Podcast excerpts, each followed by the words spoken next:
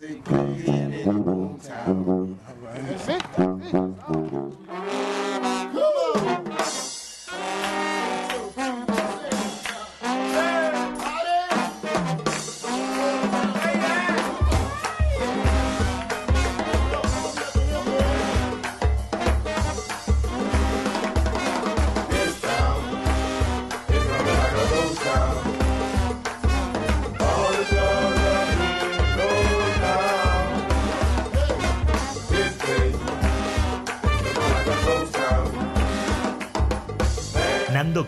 Presenta 10.000 fogueres. Ai, quina pena, quina pena. Això és ràdio i no és televisió i no ens veieu, però avui al 10.000 fogueres estem de celebració. L'Aleix, el nostre tècnic, s'ha posat de frac. Jo m'he llogat una jaqueta a tres quarts de color vermell i tot perquè avui és un dia molt especial. Avui arribem al programa número 200, 200 fogueres, durant les quals hem volgut obrir la mirada cap a la immensa quantitat i diversitat, sobretot d'espais que estan programant música en viu en aquesta ciutat, més enllà de l'Apolo, més enllà dels Resmetars, de l'Ut de la Salabars, del Grec, del Palau Sant Jordi, de l'Auditori, del Palau de la Música i dels macrofestivals, i però que ho, hem, que ho hem aconseguit, penso, en aquests 200 programes hem arribat a parlar de més de 600 espais musicals, més de 600 espais diferents. Això vol dir que cada programa, a cadascun d'aquests 200 programes, quan el programa, quan el 10.000 Fueres encara durava dues hores, però també, des que només dura una hora, hem parlat cada setmana de tres espais diferents, de mitjana. Alguns dies dos, alguns altres en parlàvem de quatre, sempre espais diferents.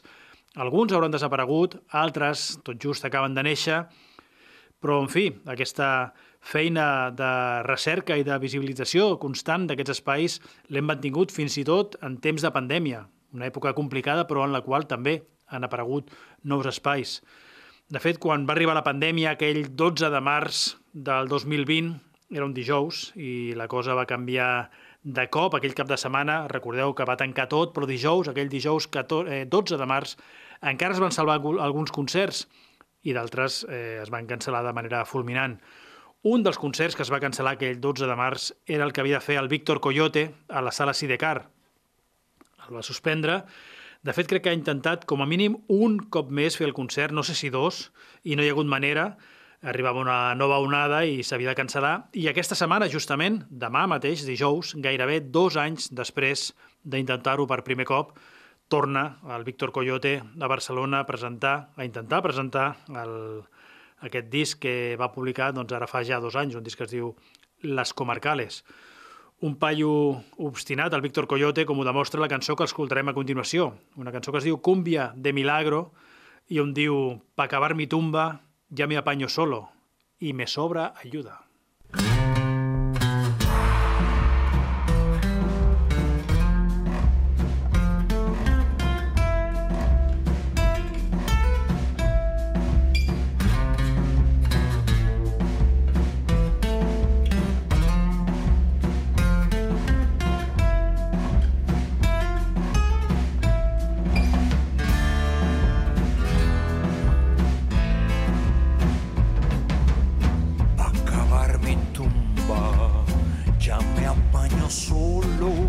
ya me apaño solo y me sobra ayuda. Acabar mi tumba, sé tú mismo hombre, todos me decían, todos me decían, páganos con sobre. Hombre, sé tú mismo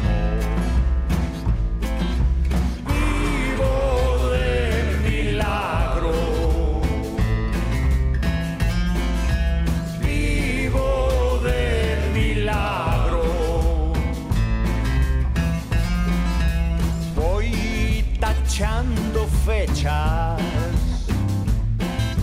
de mi calendario. Tan solo la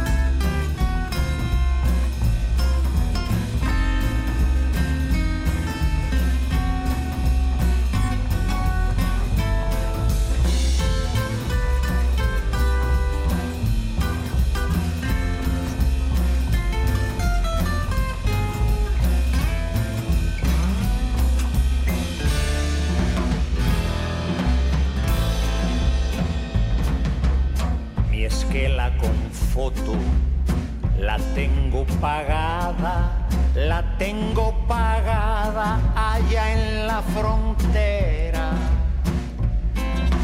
La foto y la esquela. Cuántas despedidas, qué sabor amargo, despedirse tanto como un circo malo casi mentira.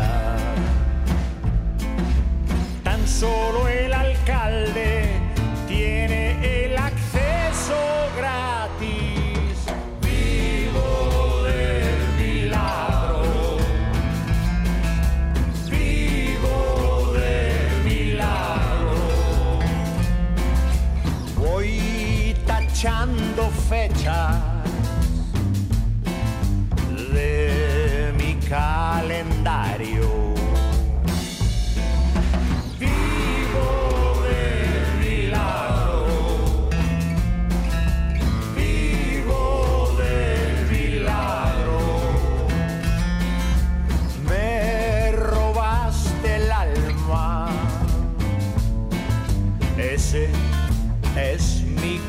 Calvario.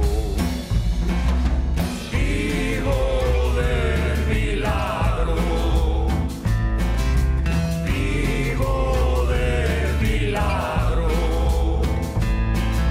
Soy de cumbia negra y aguardiente blanco.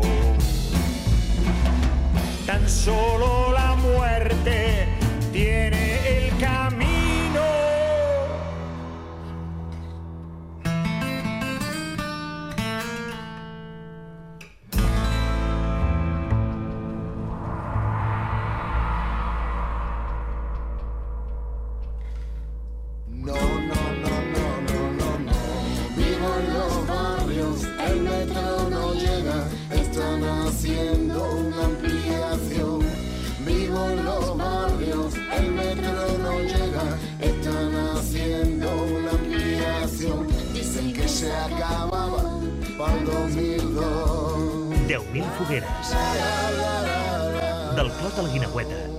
Vallcarca a la Barceloneta. Era Víctor Coyote des del seu darrer disc, Les Comarcales. Dos anys té aquest disc, no l'ha pogut presentar a Barcelona per qüestions que tots podem imaginar, aquesta pandèmia que ha obligat a suspendre desenes, centenars i milers d'actuacions, però aquest, aquesta setmana hi torna. Torna dijous a la sala Sidecar, a la plaça Reial, a presentar cançons com aquesta Cumbia de Milagro, on diu allò de tan solo la muerte tiene el camino fácil. El disc es diu Les Comarcales i, en fi, les comarcales barcelonines doncs, són tots aquests caminets que ens porten del Clot a la Barceloneta i de Vallcarca a qualsevol altre barri de la ciutat i això és el que, el que fem aquí al 10.000 Fogueres. Amb ell, amb el Víctor Coyote, hem obert el programa avui, presentant un disc a la, a la sala Sidecar, que és gairebé com la mare de totes les petites sales de Barcelona. Una sala que amb tantíssims anys d'història, tants anys d'història com el Víctor Coyote, perquè tots dos, tant la sala com el Coyote, eh, van començar als anys 80 a fer, a fer música, el Víctor Coyote amb Los Coyotes i la sala Sidecar doncs, amb aquest mateix nom a la plaça Reial, doncs amb, aquests, amb aquesta veterania i amb aquesta, doncs això, amb el fet de, de ser una de les sales més emblemàtiques de la, de la ciutat, ja formen part de la història, doncs seria com això, la, la mare de totes les petites sales, però n'hi ha moltes més a la ciutat i pensem que el, aquí al 2000 Fogueres doncs, la nostra feina és aquesta, justament donar, donar veu, donar visibilitat i referir-nos setmanalment a aquests espais petits que, com la sala Sidecar als anys 80, doncs començaven a obrir-se un forat en l'agenda musical de la ciutat. Hem pensat, hem donat voltes a com celebrar aquest, aquest 10.000 fogueres número 200, aquesta foguera número 200, per celebrar aquest número rodó i, sincerament, no se m'ha acudit cap altra cosa millor que dedicar la primera part del programa a parlar únicament d'espais musicals dels quals encara no havíem parlat en aquests 199 programes anteriors. Espais sovint que ni tan sols teníem detectats eh, després de trobar-ne més de 600. I ja té mèrit eh, que encara després d'haver parlat de 600 espais musicals diferents, doncs encara puguem trobar-ne algun que no teníem en el radar. Per exemple, el Forn de les Arts. Sabeu què és el Forn de les Arts? Sabeu on és? Jo fa de dues setmanes no ho sabia.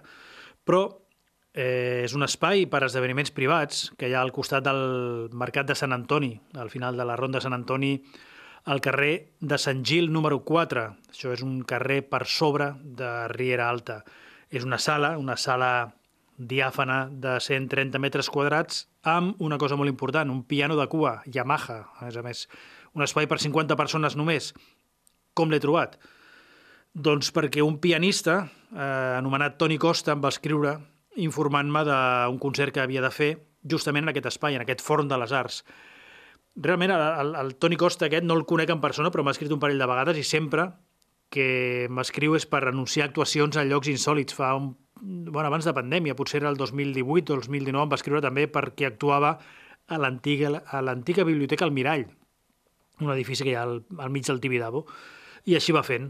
En aquest cas, el Toni Costa el que fa és presentar en aquest forn de les arts, al carrer Sant Gil, número 4, divendres, aquest divendres a la, al vespre, un projecte que es diu Sefarat in the Piano, un concert solo, ell sol al piano, en aquest piano Yamaha, piano de cua, on diguem que busca punts en contacte, eh, posa en comú doncs, tradicions tan diferents com la jueva espanyola, les, eh, les melodies safardites, el, les harmonies del jazz i ritmes populars com el flamenc. Tot això al voltant únicament d'un piano i, per tant, doncs, això demanda un espai especialment silenciós i petitet i amb piano de cua. I així és com ha trobat el Forn de les Arts.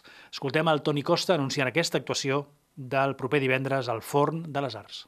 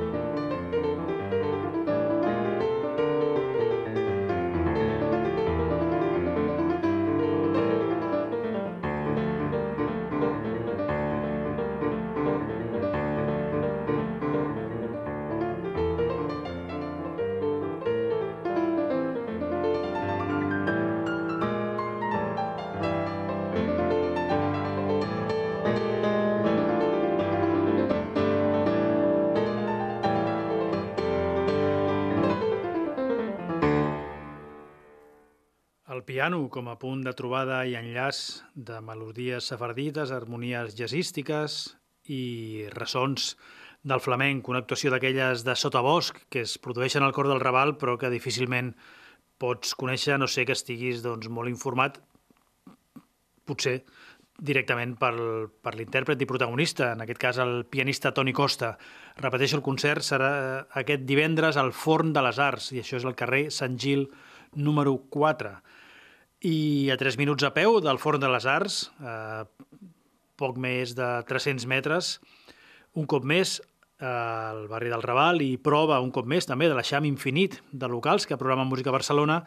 Arribem fins a la Casa Almirall, un bar mític del Raval Alt, potser el coneixeu, potser l'heu sovintejat alguna, alguna nit, un espai centenari dels anys 60, però del segle XIX, un espai que també amb un aforament reduït, si abans parlàvem de, del Forn de les Arts amb capacitat per 50 persones, em sembla que la Casa Almirall, quan hi fan actuacions, eh, prou feines n'hi caben 40.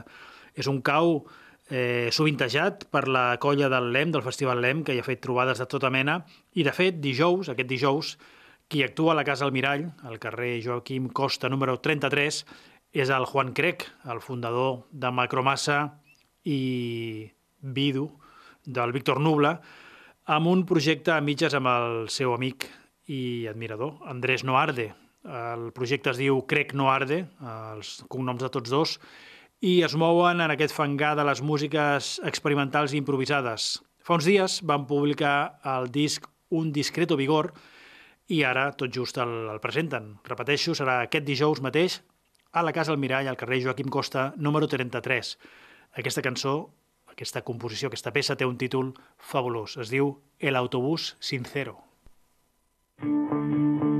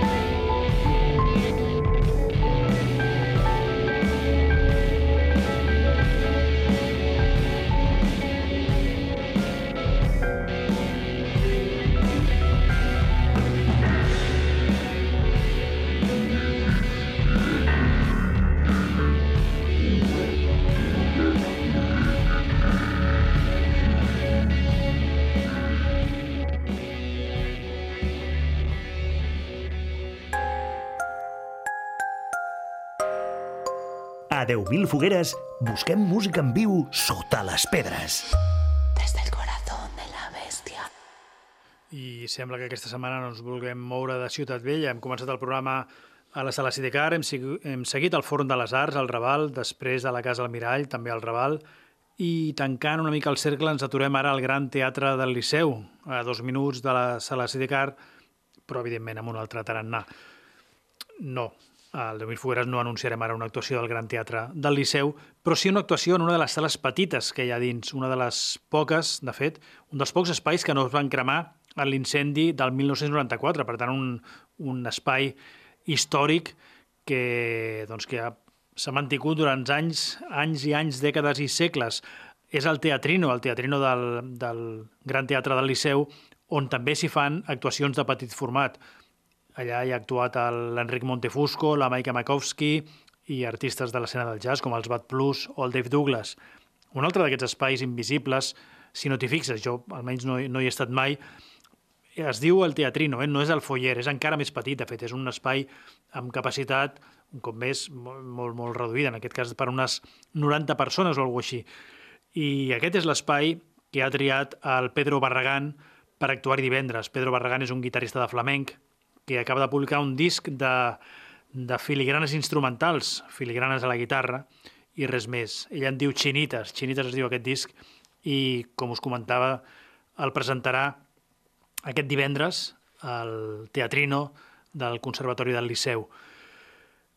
Ja que portem una estona passejant musicalment pels carrers del Raval, que podem fer escoltar concretament una filigrana flamenca anomenada Calle Pensamiento.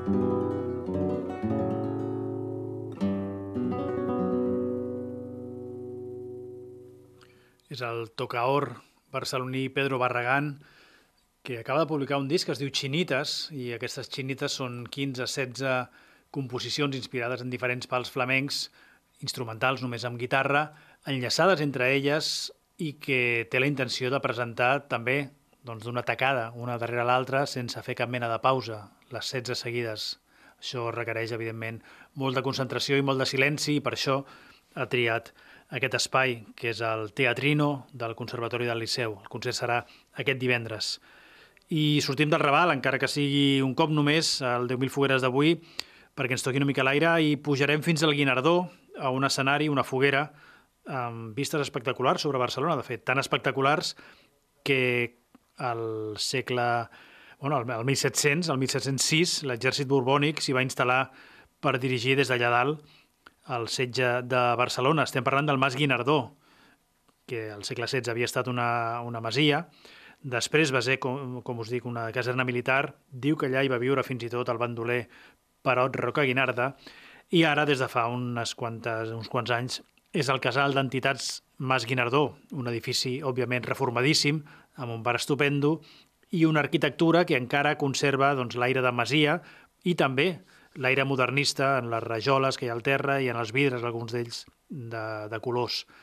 També en aquest casal Mas Guinardó, situat, per cert, que no ho he dit, a la plaça de Salvador Riera número 2, al barri del Guinardó, òbviament.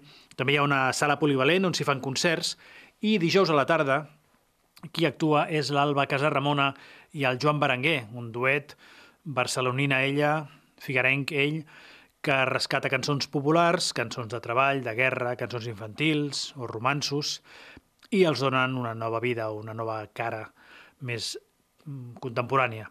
El que farem per anunciar, per posar música en aquesta actuació de l'Alba Casarramona i el Joan Berenguer dijous al casal Mas Guinardó, al barri del Guinardó, és escoltar aquesta adaptació modernitzada de la cançó tradicional infantil Si n'eren tres ninetes.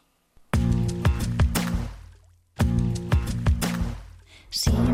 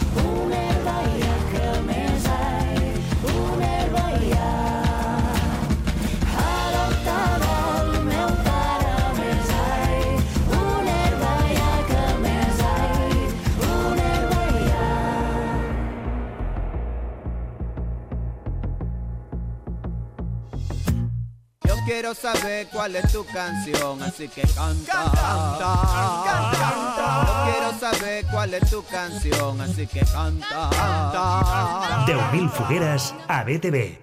10.000 fogueres és un programa amb dues cares, ho és des del seu primer programa i ho segueix sent ara que en portem 200. Hi ha una primera cara, una cara A, on busquem espais musicals sota les pedres, i una cara B, una segona part, on busquem cançons també sota les pedres. En tots dos casos el que volem és obrir al màxim el ventall de les músiques que s'escolten a Barcelona, que s'escolten en viu que escolta els habitants de la ciutat perquè encara que sembli mentida, no tothom vol anar a veure Zetangana, no tothom escolta Rigoberta Bandini. són percentatges minúsculs de la població, tot i que tinguin molt més ressò, però anant pel carrer descobreixes que la gent escolta moltíssimes més músiques de les que es programen fins i tot en les emissores convencionals que diuen allò de això és el que s'escolta ara, doncs més aviat no. Moltes vegades el que se suposa que el que està fent aquestes emissores és dir això és el que volem que escolteu ara, però ni d'aquesta manera la ciutat escolta el que marquen els prescriptors o les emissores que, que doncs, promocionen el repertori de cada moment, el que cada moment toca escoltar. Aquí, de fet, no, no ens deixem guiar per aquesta actualitat forçada, sinó que simplement eh, sortim al carrer i eh, espiem a la gent que escolta música i us expliquem aquí el programa. També eh, durant uns moments de, de una part de la trajectòria del programa vam demanar-vos inclús que, que ens recomanéssiu, que ens parléssiu directament de les coses que escolteu.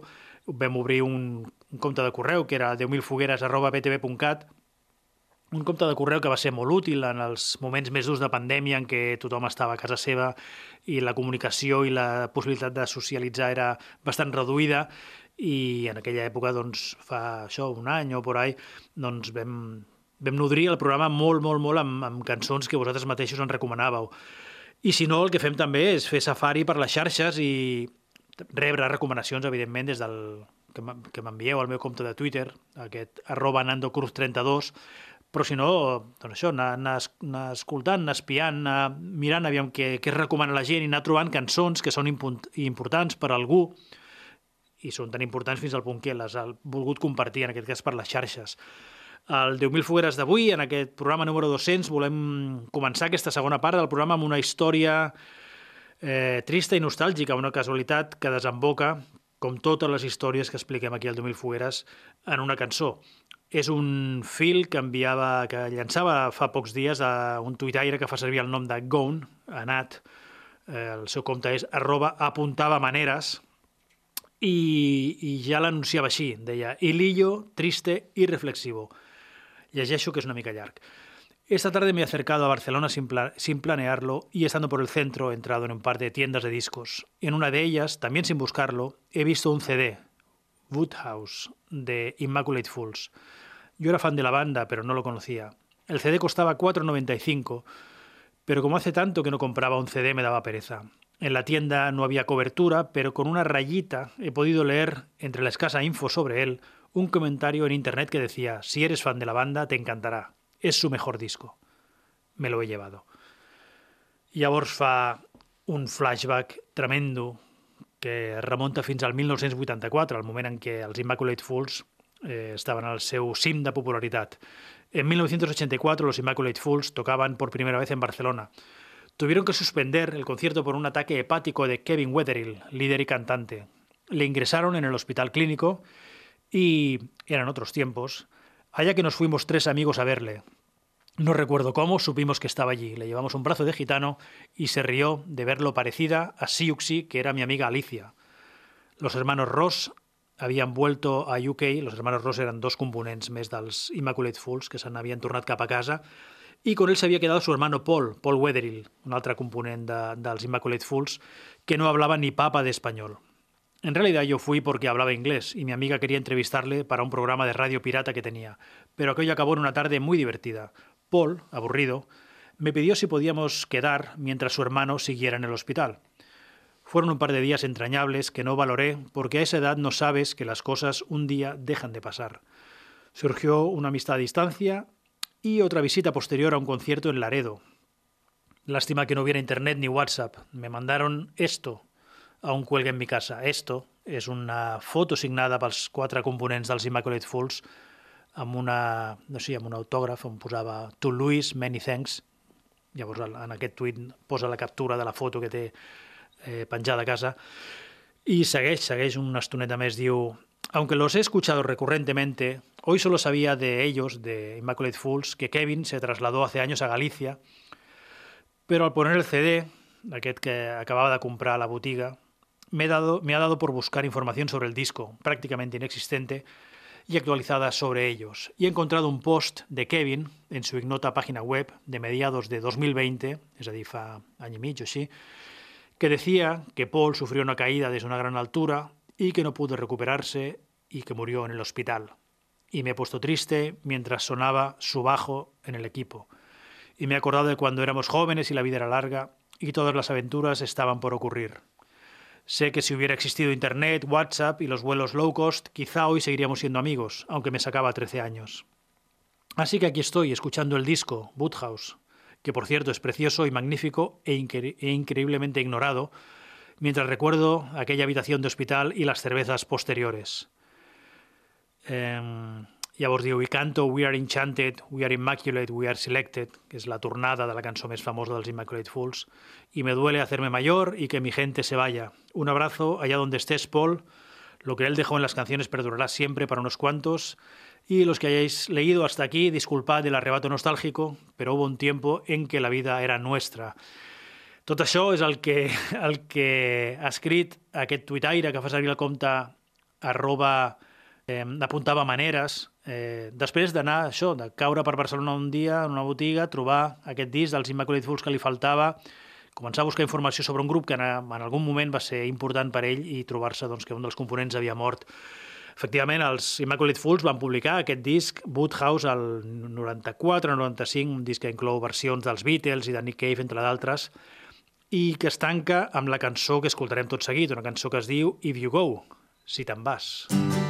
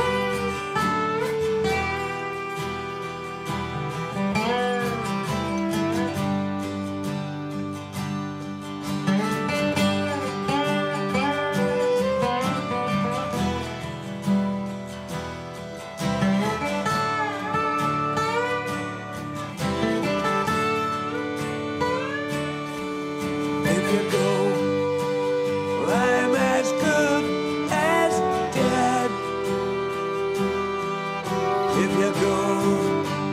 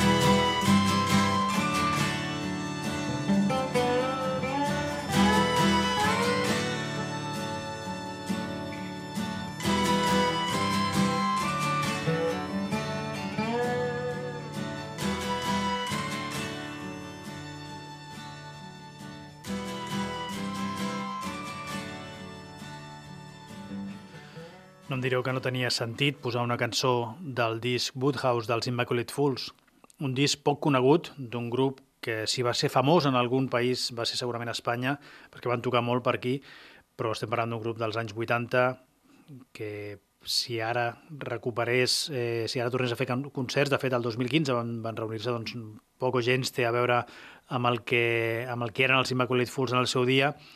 No és música d'actualitat, però de sobte cançons com aquesta omplen eh, un cràter, com deien els Antonio Font, no? un grup, eh, un CD d'un grup britànic que al mitjans dels 80 va ser força popular al nostre país, un CD que troba a 4,95 un tuitaire que en el seu moment havia sigut fan del grup i que de sobte li, li obre un munt de, de records, una història nostàlgica, trista i tendra, però, com diu un altre tuitaire, que fa servir el compte arroba soulsolete, que també és un nom bastant guai. Apuntar de maneres és un, és un avatar guai, però arroba soulsolete també déu nhi Doncs com diu el soulsolete, sí a la ternura como fuente de sublimes inspiraciones y de sublimes expressiones, de fet diu ell, sí a la ternura como fuente de sublimes expressiones. I aquesta sentència l'acompanya amb una cançó del cantant eh, xicano californià Joey Quiñones, una cançó a mig camí entre el soul i el reggae, plena, plena, plena de tendresa que escoltem tot seguit. Es diu For You.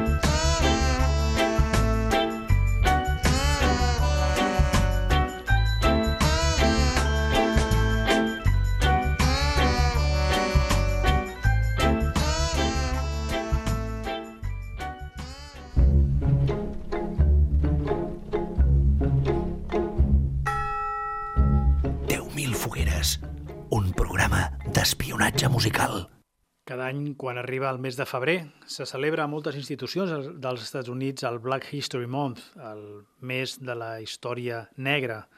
És així des dels anys 70. Escoles, esglésies, biblioteques, fins i tot mitjans de comunicació aprofiten aquesta celebració de la cultura afroamericana per incidir en els seus continguts i per doncs, posar més èmfasi en aquesta part de la història dels Estats Units. I l'altre dia rebia un correu de la NPR, la National Public Radio, la, la ràdio pública Yankee, que també s'hi ha abocat, evidentment, fent articles especials parlant, en aquest cas, al ser ràdio musical, doncs, de, de músiques negres. Però contra el que podríem imaginar no se centren només amb els músics negres de... que podem imaginar del soul i del hip-hop o alguna així, sinó que van molt més enllà i trenquen tota mena de tòpics. Un exemple és un article que han publicat dedicat a la Jessie Montgomery, una violinista de Nova York, afroamericana, que compon i interpreta música de cambra.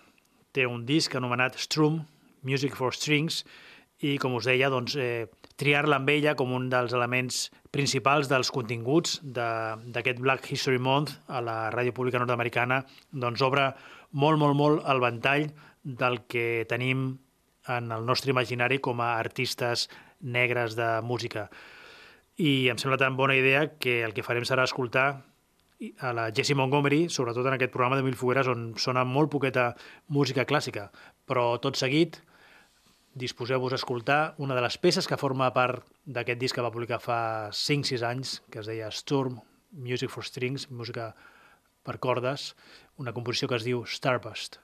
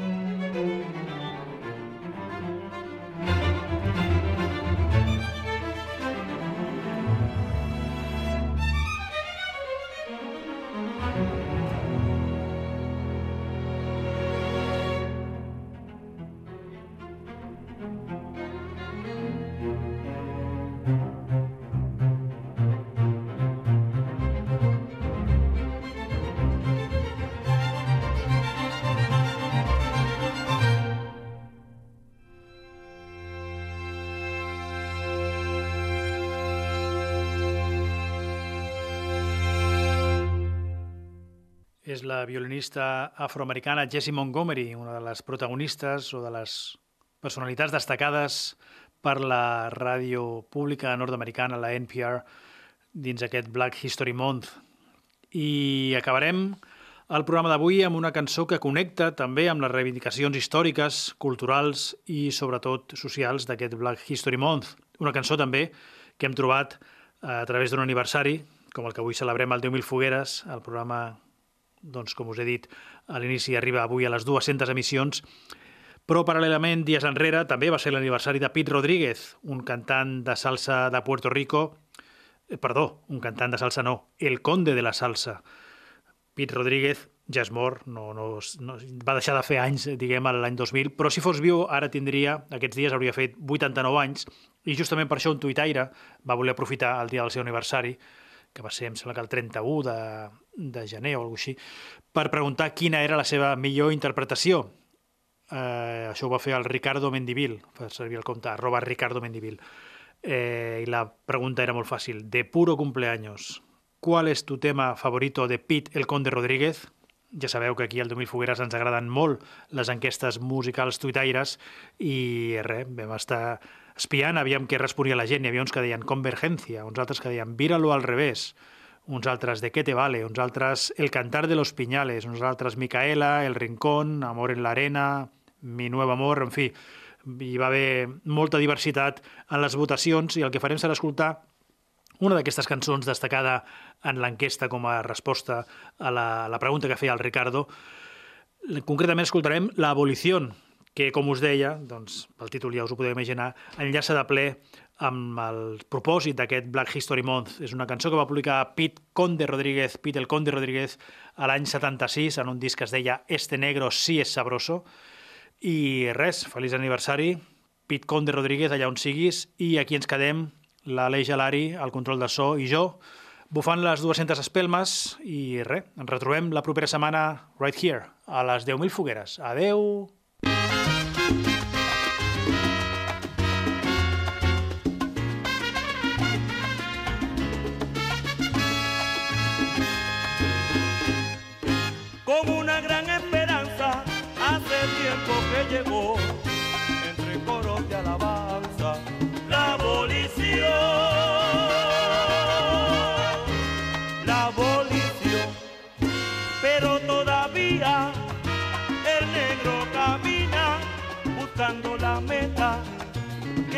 vecina levanta bandera y cruza frontera. Su lucha que fuerte y no tiene suerte. Con una gran esperanza hace tiempo que llegó. Caballero sí que falsa la abolición. La abolición, si la abolición llegó